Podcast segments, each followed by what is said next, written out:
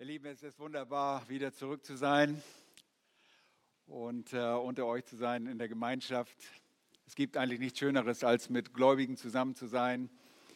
Ein Vorgeschmack auf den wunderbaren Himmel. Und es wäre zu wenig gesagt, wenn ich sagen würde, dieser Sonntag steht unter dem Vorzeichen der Freude. Das tut jeder Sonntag. Denn an jedem Sonntag haben wir Anlass dazu, uns daran zu erinnern, dass Jesus der Auferstandene ist. Und die Jünger trafen sich am ersten Tag der Woche, weil der Herr auferstanden ist. Und in unserem Text, in dem Markus-Evangelium, kommen wir heute zu dieser wunderbaren Botschaft. Die große Freude. Und ich weiß nicht, was ihr in dieser Woche erlebt habt. Vielleicht seid ihr niedergeschlagen und wir haben so manche Kämpfe im Alltag zu durchleben. Aber diese Wahrheit reißt alles raus. Freude, pure Freude. Alles daneben verblasst. Jeder Kummer, jede Sorge muss verblassen, wenn wir uns neu besinnen darauf, was hier geschehen ist in diesem Text und mit unserem Herrn Jesus Christus. Und wenn wir zurückdenken, uns das Markus-Evangelium vor Augen führen, dann haben wir Jesus gesehen, wie er kam, um das Evangelium vom Reich Gottes zu predigen. Wir haben ihn gesehen als einen barmherzigen, mitfühlenden Sohn Gottes, der Kranke geheilt hat, der immer gelehrt hat. Das Lehren war sein Hauptauftrag, seine große Verantwortung, uns den Vater vor Augen zu stellen. Das tat der Herr Jesus Christus. Und er lehrte und lehrte und er erwies Gnade und Barmherzigkeit, indem er Menschen rettete und im Menschen physisch heilte. Aber über all dem steht in diesem Evangelium ein ganz besonderer Aspekt und steht besonders hervor, nämlich dass der Jesus Christus selbst gedient hat und sein Leben gegeben hat als ein Lösegeld für viele. Für alle die nämlich, die an ihn glauben würden, hat er den Lösegeldpreis bezahlt, seinem Vater gegeben, hat sein Leben selbst gegeben am Kreuz, damit diejenigen, die glauben würden, das Leben haben würden. Welch wunderbare Botschaft! Aber erst dadurch, dass wir wissen, dass er da auferstanden ist. Ihr Lieben, es nützt uns kein toter Gott. Und wenn Jesus Christus gestorben wäre, und das glaubt die Welt, dass er gestorben ist. Und da ist er auch immer noch. Irgendwo liegt seine Asche oder sein, nicht seine Asche, sein, äh, liegt seine, seine, sein Staub, seine Erde. Er wurde wieder zur Erde. Nein, er hat nicht die Verwesung gesehen. Er ist der Auferstandene. Und das ist übermäßige Freude für uns. Er, der Lebendige. Und deshalb steht auch der Text heute genau unter diesem Vorzeichen. Freue dich an den vier Größen, die glaubhaft die Auferstehung des Größten garantieren. Und ich möchte das erklären. Ihr habt diese Predigt vielleicht schon vor einem knapp vor einem Jahr gehört, in ganz ähnlicher Weise. Ich habe sie nochmal überarbeitet. Aber freue dich an vier Größen. Was sind denn Größen? Nun, eine Größe kann laut Duden eine bedeutende, berühmte Persönlichkeit sein, eine Kapazität oder die Größe einer Sache, ein innewohnender Wert, eine Großartigkeit, eine besondere Bedeutsamkeit. Und wir sehen hier vier Größen unterschiedlichster Art. Wir sehen hier Menschen, die eine Größe darstellen. Wir, stehen hier, wir sehen hier eine unbelebte Größe, die tatsächlich sehr groß und schwer ist. Und wir sehen das Übernatürliche, ein Geistwesen als Größe als auch eine Wahrheit, die äußerst groß ist. Dazu wollen wir jetzt Markus Kapitel 16 aufschlagen und die Verse 1 bis 8 lesen. Markus 16 und die Verse 1 bis 8. Und als der Sabbat vorüber war, kauften Maria Magdalena und Maria, die Mutter des Jakobus, und Salome wohlriechende Gewürze, um hinzugehen und ihn zu salben. Und sehr früh am ersten Tag der Woche, als die Sonne aufging, kamen sie zu dem Grab. Und sie sagten zueinander, wer wälzt uns den Stein von dem Eingang des Grabes? Und als sie aufblickten, sahen sie, dass der Stein weggewälzt war. Er war nämlich sehr groß. Und sie gingen in das Grab hinein und sahen einen jungen Mann zu Rechten sitzen, bekleidet mit einem langen weißen Gewand. Und sie erschraken. Er aber spricht zu ihnen, erschreckt nicht.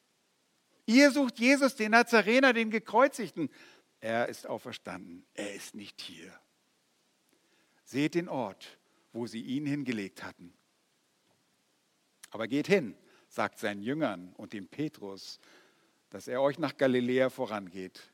Dort werdet ihr ihn sehen, wie er euch gesagt hat. Und sie gingen schnell hinaus und flohen von dem Grab. Es hatte sie aber ein Zittern und Entsetzen befallen. Und sie sagten niemand etwas, denn sie fürchteten sich. Soweit der Text. Freu dich an den vier Größen, die glaubhaft die Auferstehung des Größten garantieren. Erstens sehen wir in unserem Text die perplexen Frauen. Die Frauen sind Größen. Wir haben das schon gehört durch Daniel, der das Vorprogramm geleitet hat und die besondere Begabung der Frauen hervorgestrichen hat. Hier in diesem Text kommt genau auch das zum Tragen. Wir sehen dort diese Frauen. Nun lass mich noch zuerst davon sprechen, wenn wir hier glaubhaft die Auferstehung des Größten sehen und diese vier Größen die Auferstehung des Größten garantieren. Wenn wir von dem Größten sprechen, ist es klar, von wem wir sprechen, oder? Nun, der Größte ist unser Herr Jesus Christus.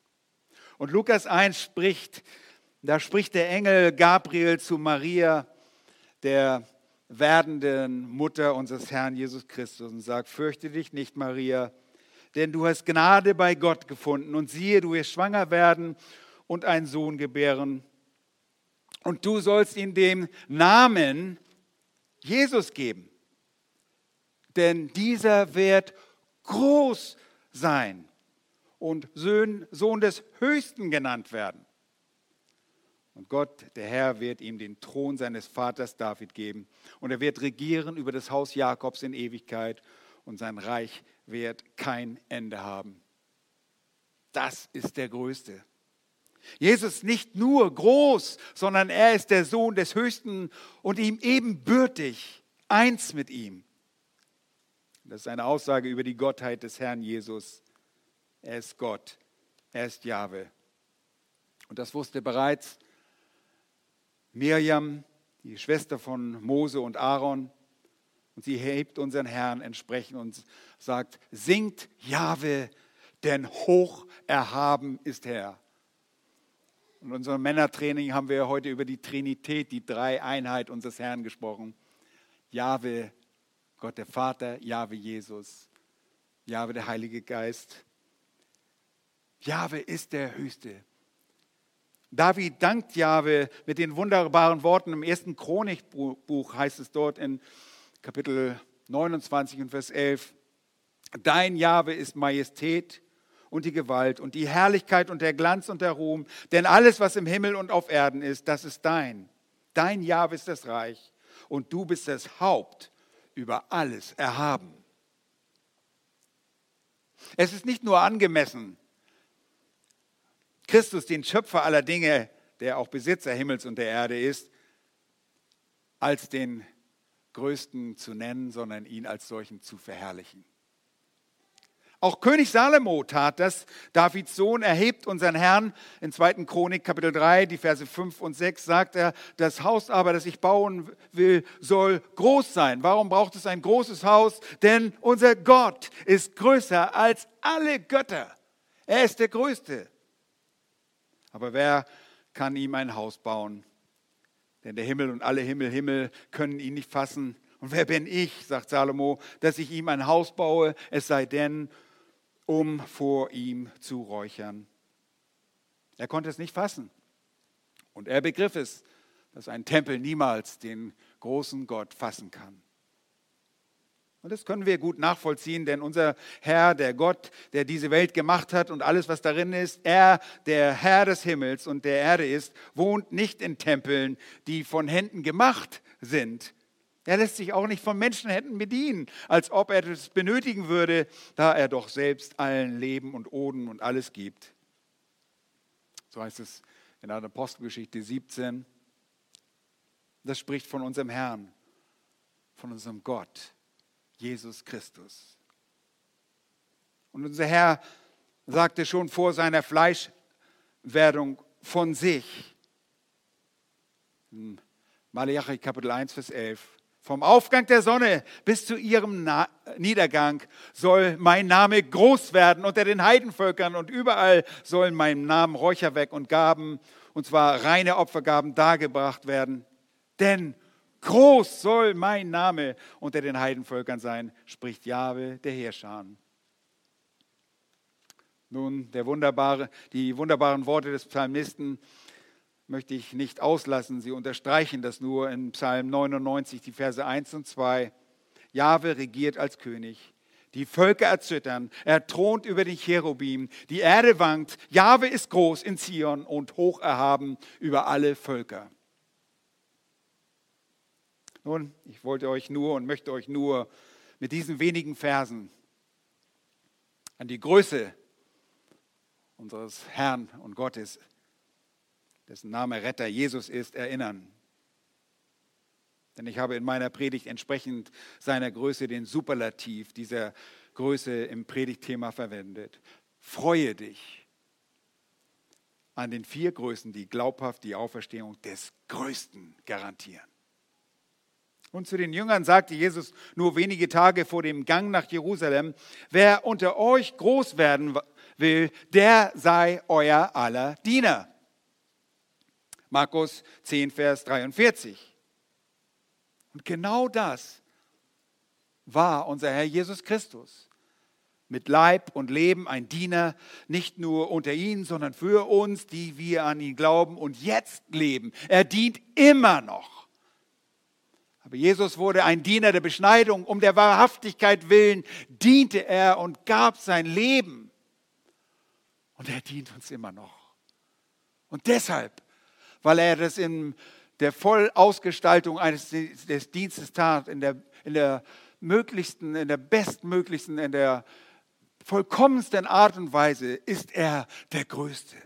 Er, der Fürst des Lebens, legte als einen Dienst an uns sein Leben als Lösegeld dem Vater zu Füßen. Und er gab sein Leben freiwillig auf und er litt den Zorn deiner und meiner Sünde. Er duldete die ganze Schwermütigkeit der Hölle für dich. Und er beendete sein Leben tot am Kreuz. Er legte sein Leben für dich nieder, der du jetzt glaubst. Und er machte mit diesem Dienst des Todes dir den Weg frei zum Thron Gottes. Und aufgrund seiner Werke wirst du in das ewige Heiligtum einziehen können, bei unserem Gott sein, weil Jesus nicht nur die Voraussetzung dafür, sondern die Realität eines neuen Lebens schuf durch seine Auferstehung. Und weil er lebt, so sagt die Schrift, werden auch wir leben. Und es gibt keine, absolut keine freudigere Nachricht. Das macht das Evangelium zu einem freudigen Evangelium, zu einer guten Nachricht. Und die erste Größe in den Ausführungen von Johannes Markus, über die wir uns freuen können, die glaubhaft die Auferstehung garantiert, sind perplexe Frauen. Hm. Wie kann das sein? Ganz recht. Ihr habt ganz recht gehört. Die Frauen sind die erste Größe, die glaubhaft die Auferstehung bestätigt bzw. garantiert. Und da heißt es nochmals Vers 1, und der Sabbat, als er vorüber war, kauften Maria Magdalena und Maria, die Mutter des Jakobus und Salome, wohlriechenden Gewürze, um hinzugehen, um ihn zu salben. Meine Güte, hier sind Diener. Hier werden drei Frauen erwähnt, die dem Herrn Jesus bereits in seinem irdischen Dienst treu gedient hatten Und während die Jünger sich schon nach der Verhaftung und dann bei dem Verhör, bei der Kreuzigung rar gemacht hatten, waren sie, die Frauen, nicht nur während des Sterbens am Kreuz anwesend, sondern auch jetzt in seinem Tod dienen sie dem Herrn. Das ist wirklich beeindruckend. Weit und breit kein Jünger zu finden. Die Frauen dienen. Aber sie sind nicht nur einfach da, sondern sie gehen, um ihm zu dienen, um hinzugehen, um ihn zu salben. Und das jetzt in seinem Tod. Sie sind diese wahren Größen. Sie sind wahrhaftig groß. Und die Großen sind nicht streitbare oder streitende Jünger, die über den Vorrang ihrer Stellung im Reich diskutierten und das beispielsweise auch in Markus 9, 33 taten. Ich lese das vor. Dort fragte Jesus äh, die Jünger in Kapernaum, was habt ihr unterwegs miteinander verhandelt? Sie aber schwiegen, denn sie hatten unterwegs miteinander verhandelt, wer der Größte sei. Und immer wieder stritten sie und argumentierten sie, wer der Größte sei. Und darauf setzte er sich hin und rief die Zwölf und sprach zu ihnen, wenn jemand der Erste sein will, so sei er von allen der Letzte und aller Diener. Und ihr genau das finden wir bei diesen Frauen an. Sie dienen dem Herrn im Leben und sie ihm, äh, dienen ihn im Tod. Die Großen sind nicht notwendigerweise Menschen, die im Vordergrund erscheinen. Es sind die Treuen. Es sind die demütigen Diener, die ganz im Gefolge des Herrn Jesus stehen. Und ich rufe euch die Verse aus Kapitel 10 und mir selbst immer wieder gerne in Erinnerung. Gerade sagte der Herr Jesus, Ihr wisst, dass diejenigen, welche als Herrscher der Heidenvölker gelten, sie unterdrücken und dass ihre Großen Gewalt über sie ausüben. Das wisst ihr. Und danach sagt er dann in Markus 10, Vers 43 bis 45, unter euch soll das nicht so sein. Sondern wer unter euch groß werden will, der sei euer Diener. Und wer von euch der Erste werden will, der sei aller Sklave. Oh, bitte? Ja. Der sei euer aller Sklave. Denn auch der Menschensohn, der Sohn des Menschen, ist nicht gekommen, um sich dienen zu lassen, sondern um zu dienen und sein Leben zu geben als Lösegeld für viele.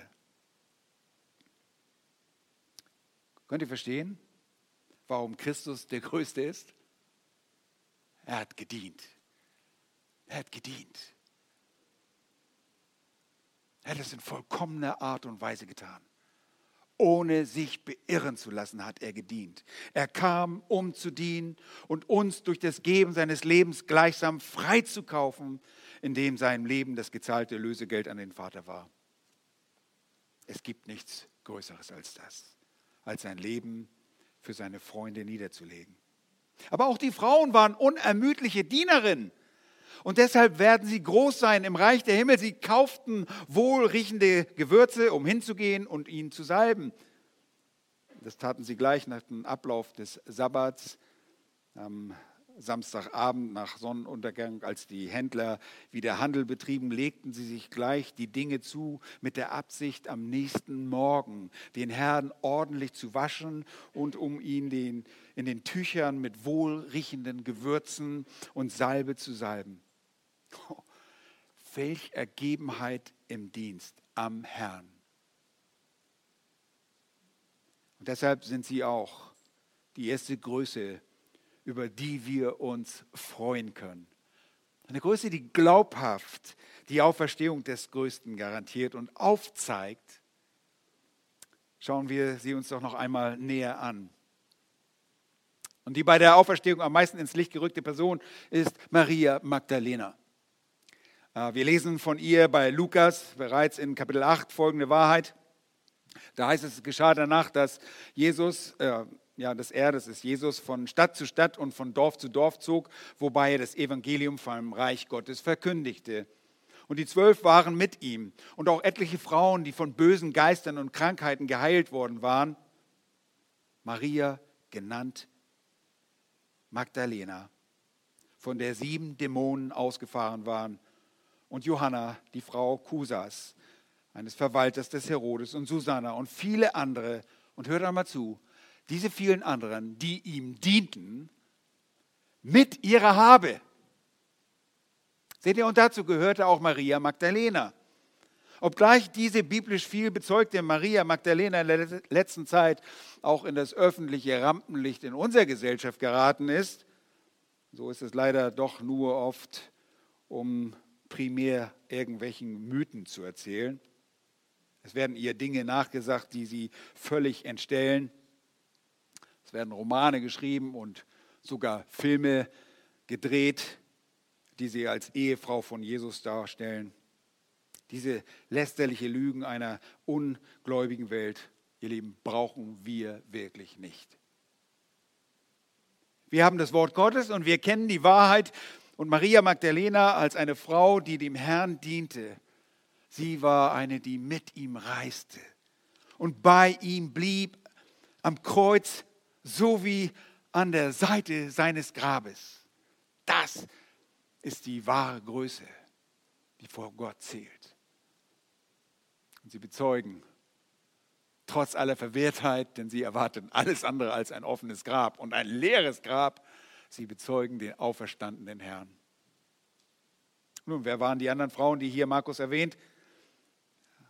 Da ist als zweites die Mutter des Jakobus aufgeführt. Wahrscheinlich ist es Maria, die Frau des Alpheus, der auch unter dem Namen Klopas bekannt ist. Nachzulesen, Johannes 19, 25. Und sie ist die Mutter des Jakobus, und zwar äh, des jüngeren Jakobus oder des, wie man auch sagt, des kleineren, ein Jünger, der im Schatten des größeren Jakobus dann, Jesus hatte also zwei Jünger, die Jakobus hießen, einmal der größere, dem Sohn des Zebedeus und Uns ist gar nicht so viel über diese Mutter bekannt. Aber auch sie blieb einfach dem Herrn treu. Und auch sie stand zuvor am Kreuz. Wisst ihr was? Wir kennen sie nicht, aber der Herr kennt sie so gut, weil sie ihm treu gedient hat. Im Hintergrund. Sie diente dem Herrn ganz wie Maria Magdalena im geglaubten Tod des Herrn. Das ist wahre Größe. Und die dritte Frau, die hier namentlich genannt wird, ist Salome. Salome ist wahrscheinlich die Schwester von Maria, der Mutter Jesu. Sie ist die Mutter von Jakobus und Johannes, die Frau des Zebedeus. Und sie war es, die einmal mit ihren Söhnen zu Jesus geschickt wurde, um die Familienverhältnisse als ein Vorteil für ihre Söhne nutzen zu können. Wir lesen da äh, in Matthäus 20, Vers 20 und 21, da trat die Mutter der Söhne des Zebedeus mit ihren Söhnen zu ihm und warf sich vor ihm nieder, um etwas von ihm zu erbitten. Er aber, das ist Jesus, sprach zu ihr, was willst du? Sie sagt zu ihm, sprich, dass diese meine Söhne, einer zu deiner Rechten, der andere zur Linken sitzen sollen in deinem Reich. Nun, die Jünger haben die Mama vorgeschickt.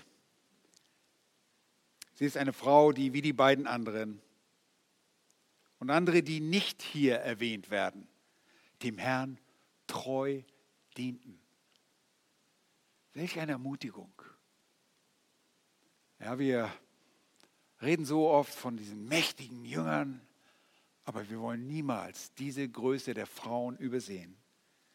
Sie werden die ersten Zeugen davon, was sich am Grab zugetragen haben muss. Sie sind schon durcheinander aufgrund des Kreuzestodes. Am Kreuz sind sie völlig durcheinander und perplex. Und jetzt erwarten sie Schwierigkeiten am Grab, aber zu ihrem Erstaunen kommt alles anders. Es kommt so, wie Jesus es angekündigt hatte. Und das ist die Art und Weise, wie Gott uns überraschen kann und so sind diese Frauen perplex, ver, verblüfft, überrascht über das, was sie dort am Grab erleben. Und die erste Größe in den Ausführungen von Johannes Markus, über die wir uns freuen können, die glaubhaft die Auferstehung garantiert, die, das sind diese perplexen Frauen. Denn sie geben Zeugnis ab davon, was geschehen ist. Warum waren sie perplex? Weil sie sehen, dass das Grab leer ist. Diese Frage bringt uns zur zweiten Größe. Warum waren sie perplex? Nun, die zweite Größe, die glaubhaft die Auferstehung des Größten garantiert, ist leblos. Die zweite Größe ist hart und sie ist schwer.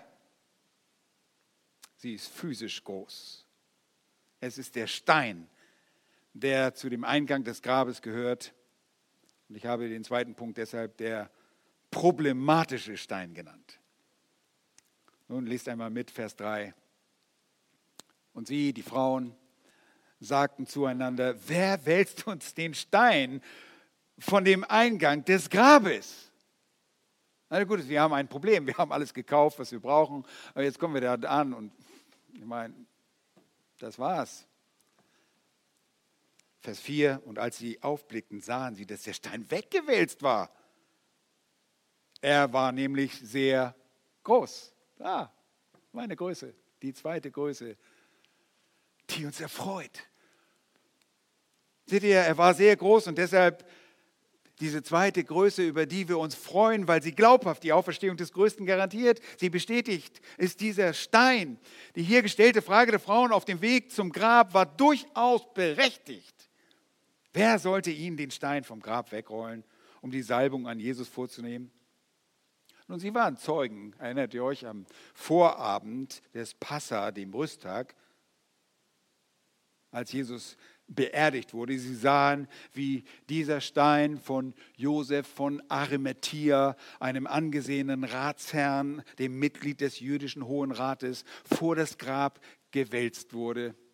Vermutlich hat Nikodemus Hand angelegt dabei. Und dieser Josef war ein guter und gerechter Mann, ihr erinnert euch.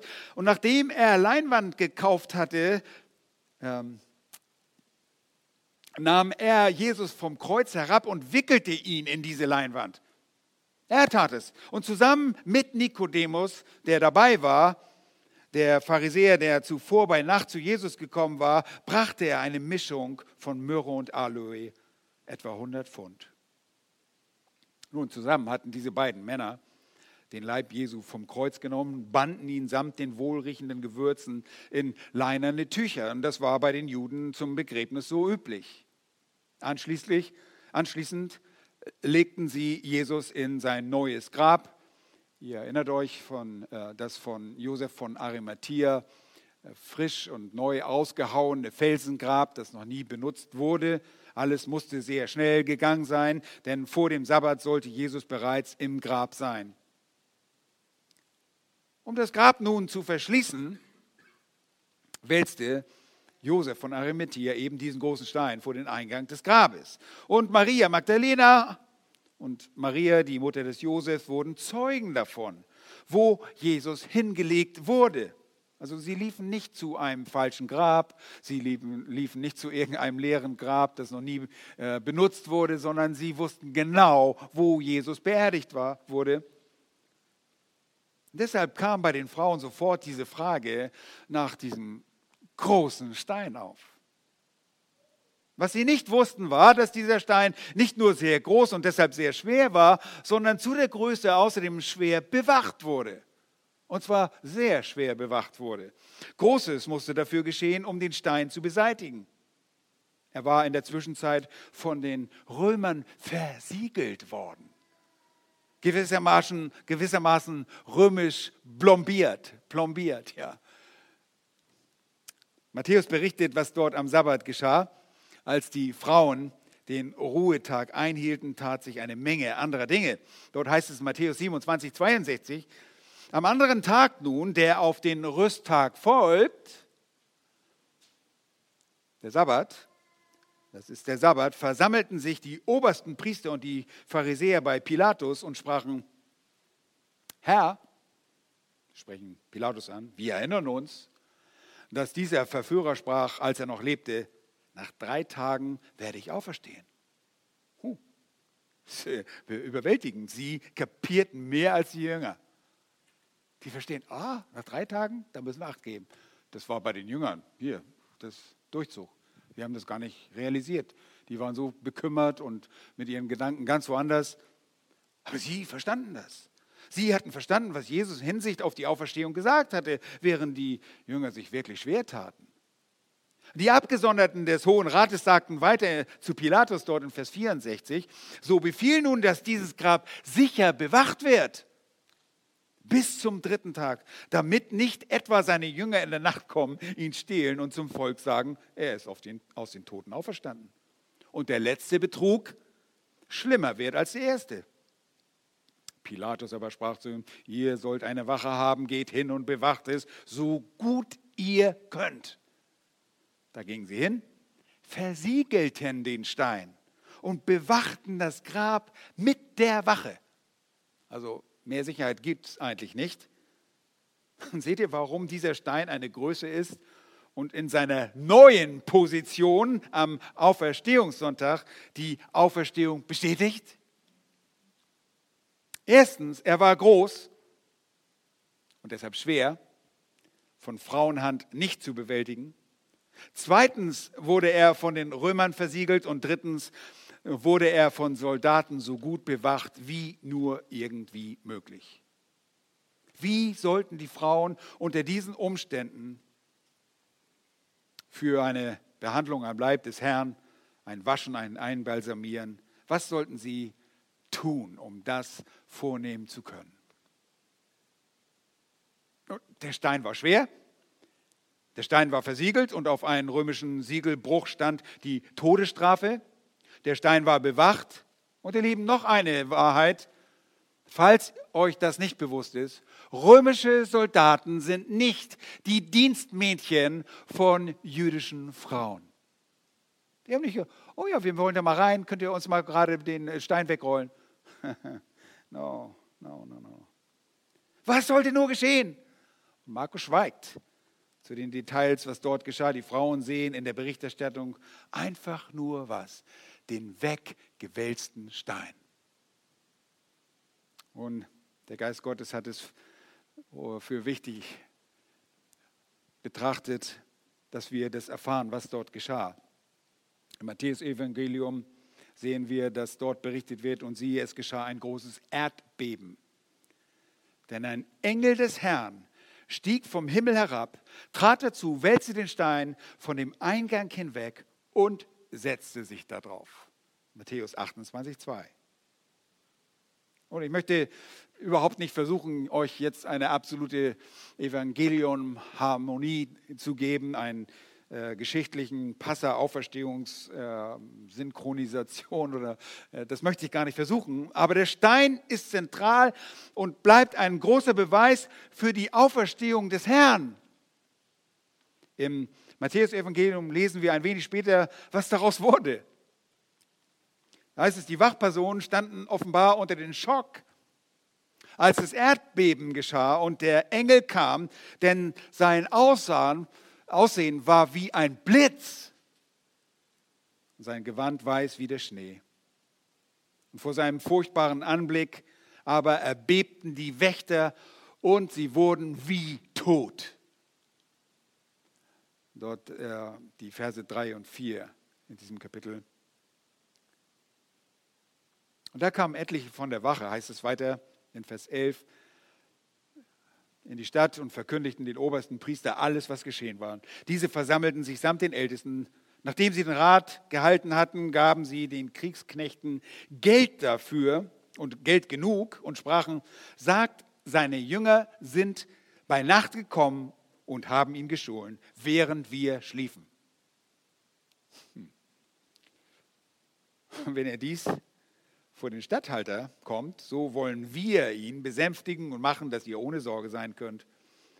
Sie aber nahmen das Geld und machten es so, wie sie belehrt worden waren. Und so wurde dieses Wort unter den Juden verbreitet bis zum heutigen Tag.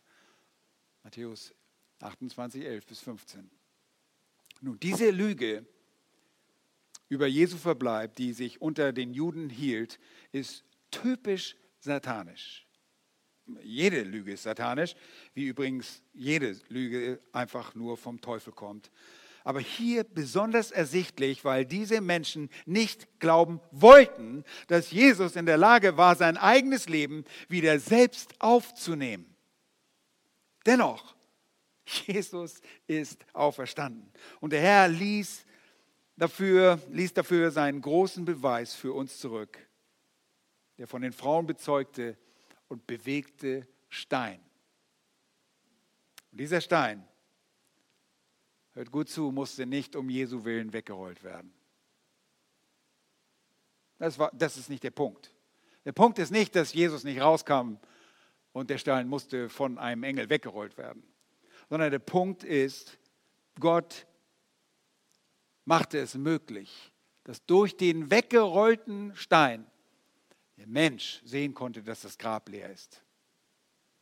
Und der Herr bewegte seine dienstbaren Geister er bewegte sie dazu, damit die Frauen sehen und hineingehen konnten. Und wir erfahren und sie erfahren sollten und letztlich auch wir erfahren sollten, was mit Jesus geschehen war.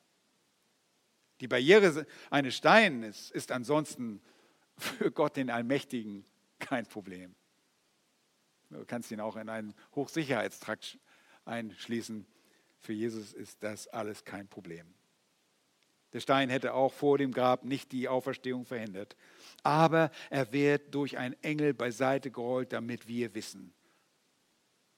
Und deshalb ist dieser Stein eine Größe. Und die erste Größe, über die wir uns freuen können und die die, die Auferstehung des Größten garantiert, waren die perplexen Frauen. Die zweite Größe ist der vermeintlich problematische Stein. Das war ja kein Problem, nur für die Frauen anfänglich. Und die dritte Größe, die die Auferstehung des Größten garantiert, war ein Geist. Ein dienstbarer Geist, der offenbar die Gestalt eines Menschen angenommen hatte und gegenwärtig war, als die Frauen in das Grab kamen. Und ich lese nochmals die Verse 5 bis 7. Und sie gingen in das Grab hinein und sahen einen jungen Mann zur Rechten sitzen, bekleidet mit einem langen weißen Gewand. Und sie erschraken. Er aber spricht zu ihnen, Erschreckt nicht. Ihr sucht Jesus, den Nazarener, den Gekreuzigten. Er ist auferstanden. Er ist nicht hier. Seht den Ort, wo sie ihn hingelegt hatten. Aber geht hin, sagt seinen Jüngern und dem Petrus und so weiter. Seht ihr, hier kommt ein Geist, ein Geistwesen und erscheint in der Person eines jungen Mannes. Hier ist von einem jungen Mann die Rede. Und die Größe, die dritte Größe ist der präsente, der gegenwärtige Diener Gottes. Der präsente, der gegenwärtige Diener Gottes. Markus fokussiert sich auf den einen Boten, der, wie wir leicht anhand von Schriftstellenvergleichen erkennen können, ein Engel war. Nämlich genau das sind Engel, dienstbare Geister. Und dies war ein dienstbarer Geist. Lukas berichtet, da standen zwei Männer in strahlenden Gewändern bei ihnen. Aber Markus konzentriert sich auf diesen einen Engel. Und während die Fra Frauen ratlos waren und die Situation nicht einzuordnen äh, vermochten, ist ein Bote, beziehungsweise zwei, zur Stelle. Und die Begegnung mit einem Boten Gottes, einem Engel, ist in der Bibel oft mit Schrecken derjenigen verbunden, die ihm begegnen. Und sie waren sicherlich nicht nur über die Umstände im Grab, sondern auch über diesen Engel erschrocken. Ich meine, äh, ich frage euch, wie viele Engel seid ihr im Laufe eures Lebens begegnet? Sicherlich so, genauso vielen wie ich auch, nämlich kein. Wie war das bei euch, als ihr an das Grab einer euch geliebten Person gekommen seid? War der Sarg oder die Urne wieder sichtbar und leer? Und seid ihr einem Engel begegnet? Hm, wohl kaum. Gut. Genauso viele Engel, wie ihr getroffen habt, habe auch ich getroffen, keinen einzigen. Ich bin mir aber sicher, dass die Engel dem Herrn dienen und auch über uns wachen, aber gesehen habe ich keinen. Dieser Engel, dieser Engel wurde sichtbar. Und er löste ein Erdbeben aus und hatte den Stein weggerollt und war jetzt damit beschäftigt, die Frauen zu beruhigen. Er aber spricht zu ihnen, erschreckt nicht. Und das war offensichtlich bei diesen, dieser Art Erscheinung und den erwarteten Ereignissen eine einfühlsame Art dieses Engels. Er geht auf diese erschrockenen Frauen ein. Und er sagt ihnen zunächst ins Gesicht, was sie gerade tun. Ihr sucht Jesus. Oh, tatsächlich, ja. Und sofort darauf offenbart er ihnen die Wahrheit über den Verbleib von Jesus. Und das ist ein wunderbares und deutliches Ereignis, ein klares Zeugnis. Und wisst ihr, Engel sind Größen. Warum? Sie sind dienstbare Geister. Und die guten Engel dienen dem Herrn. Was haben wir gern? Wer ist groß? Alle solche, die dem Herrn dienen, sind Größen. Das sind wahre Größen. Und diese dienstbaren Geister, dieser dienstbare Geist gab ein klares Zeugnis. Und schon zuvor im Leben von Jesus sind Engel aufgetreten. Bereits in prophetischen Reden sprechen Engel über Jesus. Danach unter Ankündigung seiner Geburt. Zunächst, dass er geboren werden soll und dann, dass er geboren worden ist. Und sie treten immer und immer wieder auf. Und die Engel dienen unserem Gott und damit auch uns. Und sie dienen Jesus in der Wüste nach der Versuchung. Und die rhetorische Frage des Hebräerbriefschreibers können wir mit Ja beantworten, wenn es dort heißt, sind sie nicht alle dienstbare Geister ausgesandt zum Dienst um derer willen, welche das Heil erben sollen? Antwort, ja, ja, das sind Engel. Und auch hier dienen sie den Frauen und letztlich damit auch uns. Wie wunderbar. Sie wurden nicht nur für den Dienst direkt am Herrn und für die Frauen gesandt, sondern auch für uns, damit wir glauben würden. Und dieser Engel sagt, ihr sucht Jesus, den Nazarener, den Gekreuzigten, er ist auferstanden, er ist nicht hier. Seht den Ort, wo ihr ihn hingelegt habt. Und er verweist auf das leere Grab. Und sie hatten wohl die wunderbarste Botschaft zu überbringen, diese Engel. Er ist auferstanden. Und das, was Jesus vorausgesagt hatte, ihr Lieben, das traf genau so ein. Und dann gibt der Engel den Frauen eine Botschaft und macht die Frauen somit selbst zu Boten für die Jünger. Da heißt es Vers 7, aber geht hin, sagt seinen Jüngern, die nicht präsent waren, die Jesus nicht in ihrem Tod dienten, aber diese Frauen sagt seinen Jüngern und dem Petrus, Petrus wird besonders hervorgehoben als der Leiter unter den verbliebenen elf Jüngern, sagt dem Petrus, dass er euch nach Galiläa vorangeht. Dort werdet ihr ihn sehen, wie er euch gesagt hat. In Matthäus 28, Vers 7 heißt es, und geht schnell hin und sagt seinen Jüngern, dass er aus den Toten auferstanden ist. Und siehe, er geht euch voran nach Galiläa. Dort werdet ihr ihn sehen. Siehe, ich habe es euch gesagt. Und dort trafen sie ihn wirklich. Es war genau so. Welch wunderbare Freude, dass wir diese Größen betrachten dürfen bei der Auferstehung unseres Herrn. Der Engel fordert die Frauen einfach auf, die Jünger darüber zu informieren, dass der Herr, der Auferstandene, die Jünger wie abgesprochen in Galiläa treffen möchte. Und die Verabredung steht, und es wäre durchaus denkbar, dass die Vereinbarung untergegangen war, aber in Matthäus 14 lesen wir von dieser Verabredung. Und er geht voraus und es geht daraus hervor, dass sie, nachdem sie den Lobgesang gesungen hatten, an den Ölberg hinausgegangen waren. Und im Kontext der Verabredung sagte Jesus, ihr werdet in dieser Nacht alle an mir Anstoß nehmen.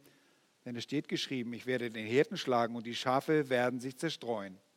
Und um dieser Zerstreuung ein Ende zu bereiten, sagt er dann in Markus 14, Vers 28, aber nach meiner Auferweckung will ich euch nach Galiläa vorangehen. Ist nicht interessant? Das war völlig aus dem Bewusstsein der Jünger äh, gefallen und deshalb erinnert der Herr jetzt selbst oder dieser, dieser Bote des Herrn, die Frauen und äh, die Frauen sollten es den Jüngern nochmals sagen. Erinnert die Jünger daran. Und von dieser Verabredung lesen wir auch im Matthäusevangelium, Kapitel 26, Vers 32. Und hier nun die Aufforderung, einfach nur an die Frauen, die Jünger daran zu erinnern.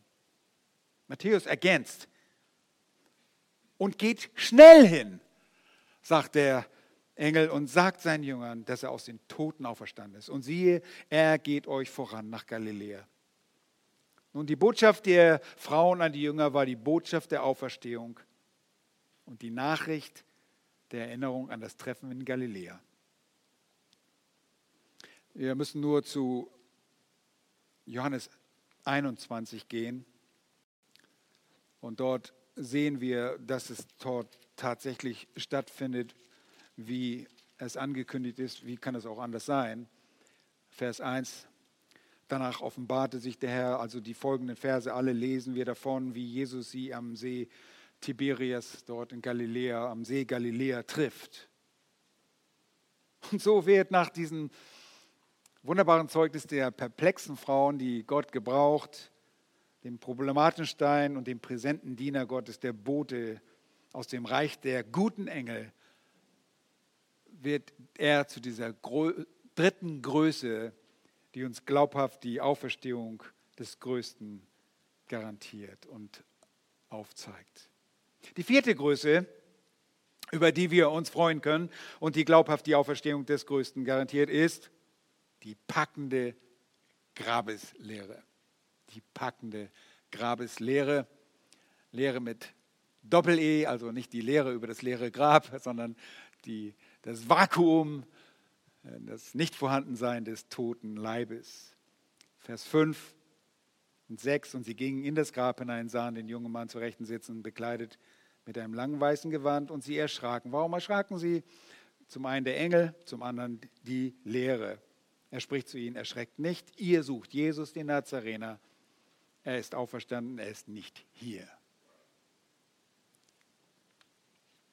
Ein toter Jesus sagte ich zu Beginn, nützt niemanden etwas. An einen toten Jesus glaubt die Welt. Sie glaubt, dass dieser ärmliche jüdische Wanderprediger dem Gericht der Römer zum Opfer gefallen war und seine Geschichte wohl im Allgemeinen sehr bewundernswert ist, aber dass diese Ereignisse leider, leider mit seinem Tod ihr Ende finden. Falsch. Eine Lüge über die Auferstehung und das Leben. Jesus wird bewusst festgehalten. Menschen wollen das glauben, dass Jesus tot ist. Der Vater der Lüge ist dabei sogar scheinbar erfolgreich in seinen Werken. Ja, das ist augenscheinlich so, aber es entspricht nicht der Wahrheit, was dort gesagt wird und gelogen wird. Der Herr hat es bestimmt aufzuerstehen und aus den vielen Glaubens, Glaubenden der Lügen, die vielen herausgerufen, um sie zu den Glaubenden der Wahrheit zu machen, um seine Gnade an den Geschöpfen seines Wohlwollens zu erweisen. Wir können nur sagen, danke Herr, dass wir das glauben können. Das Grab war leer und es ist leer. Jesus ging den Weg, den wir in der Schrift eindeutig erkennen. Keine Zweifel auf den Seiten der Schrift, keine Zweifel auf dem Boden des gläubigen Herzens. Das ist eine mächtige Wahrheit, eine wahre Größe, das leere Grab. Es ist eine packende Größe, die im Kontext des gesamten Geschehens garantiert, dass Jesus auferstanden ist. Jesu Worte sind alle wahr und deshalb auch die Worte, die er seinen Jüngern auf dem Weg schon einschärfte und die wir auch im Markus-Evangelium betrachtet haben, als er sagte, Markus 8, 31, er fing an, sie zu lehren, der Sohn des Menschen müssen viel leiden und von den Ältesten, den obersten Priestern und Schriftgelehrten verworfen und getötet werden und nach drei Tagen wieder auferstehen. Ein Kapitel später, bei der zweiten Leidensankündigung, wieder Das letzte Element, nachdem er sein Leiden ankündigt und dass er seinen Tod ankündigt, sagt er, er wird am dritten Tag auferstehen. So auch in Kapitel 10 der dritten Leidensankündigung, Vers 34 wird von ihm gesagt, sie werden ihn verspotten und geiseln und anspucken und ihn töten und am dritten Tag wird er wieder auferstehen. Ihr Lieben, Jesus hat alle seine Worte erfüllt. Er hat Wahrheit gepredigt und die Wahrheit gelebt und erfüllt. Das Grab ist deshalb leer und Jesus lebt. Und weil er lebt, sind wir nicht nur in diesem Leben die Gesegneten. Der Tod ist nicht mehr unser Feind, denn der Fürst des Lebens ist unser Freund. Er hat uns Leben gegeben. So wie er sein Leben wieder aufgenommen hat, so vermochte er uns das Leben zu geben, das nicht mehr endet. Er ist die Auferstehung und das Leben.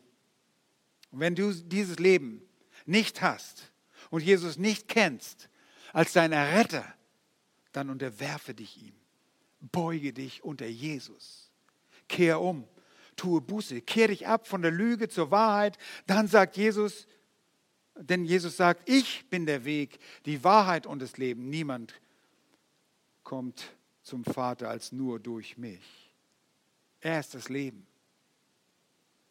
Für uns als Kinder Gottes ist diese Lebensbotschaft ein Muntermacher. Sie ist unsere Freude.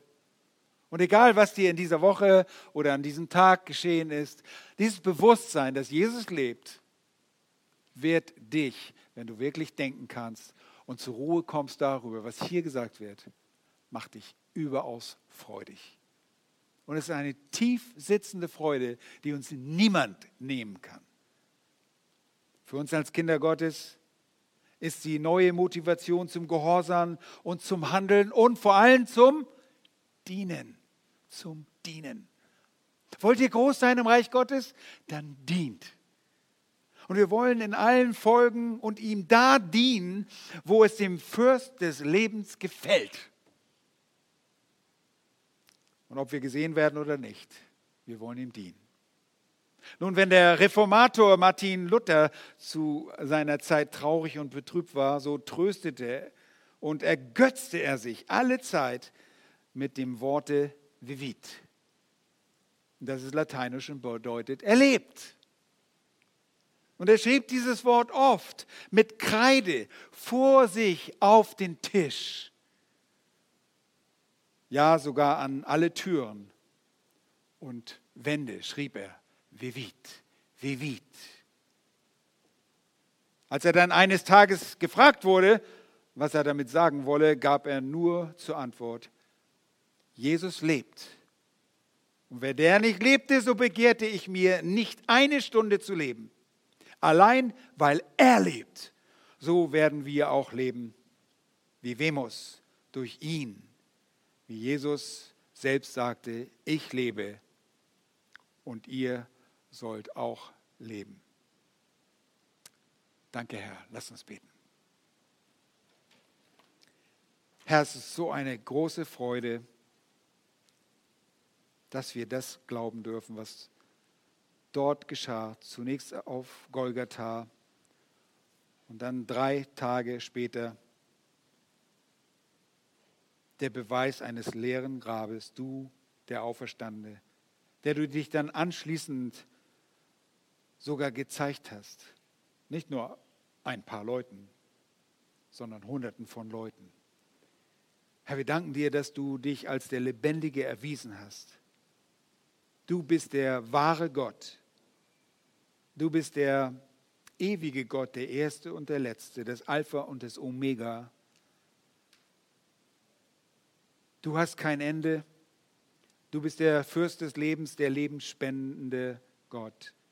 Und wir dürfen wahrhaftig leben, indem wir Vergebung unserer Schuld und Sünde erfahren und so der ewigen Verdammnis entfliehen können durch dein Werk, das du am Kreuz für uns vollbracht hast, indem du uns gedient hast und den untersten Weg gegangen bist. Hab herzlich Dank dafür. Welch eine Freude. Welch eine Freude, die dienenden Frauen zu sehen, die trotz ihrer Verwirrung und durch ihrem Durcheinandersein zu diesen Zeugen werden durften, die dir treu im Tod gedient haben. Danke für den weggewälzten Stein, der den Weg in das leere Grab ermöglichte. Danke für den Boten, den du gesandt hast, um dir zu dienen und uns zu dienen, damit wir von dieser wunderbaren Wahrheit erfahren. Du, der lebendige Gott, bist auferstanden, der Sohn des Menschen. Danke für diese packende Grabeslehre. Herr, bitte hilf uns, diese Realität in unserem täglichen Leben bewusst zu verarbeiten, bewusst in Erinnerung zu rufen, zu realisieren.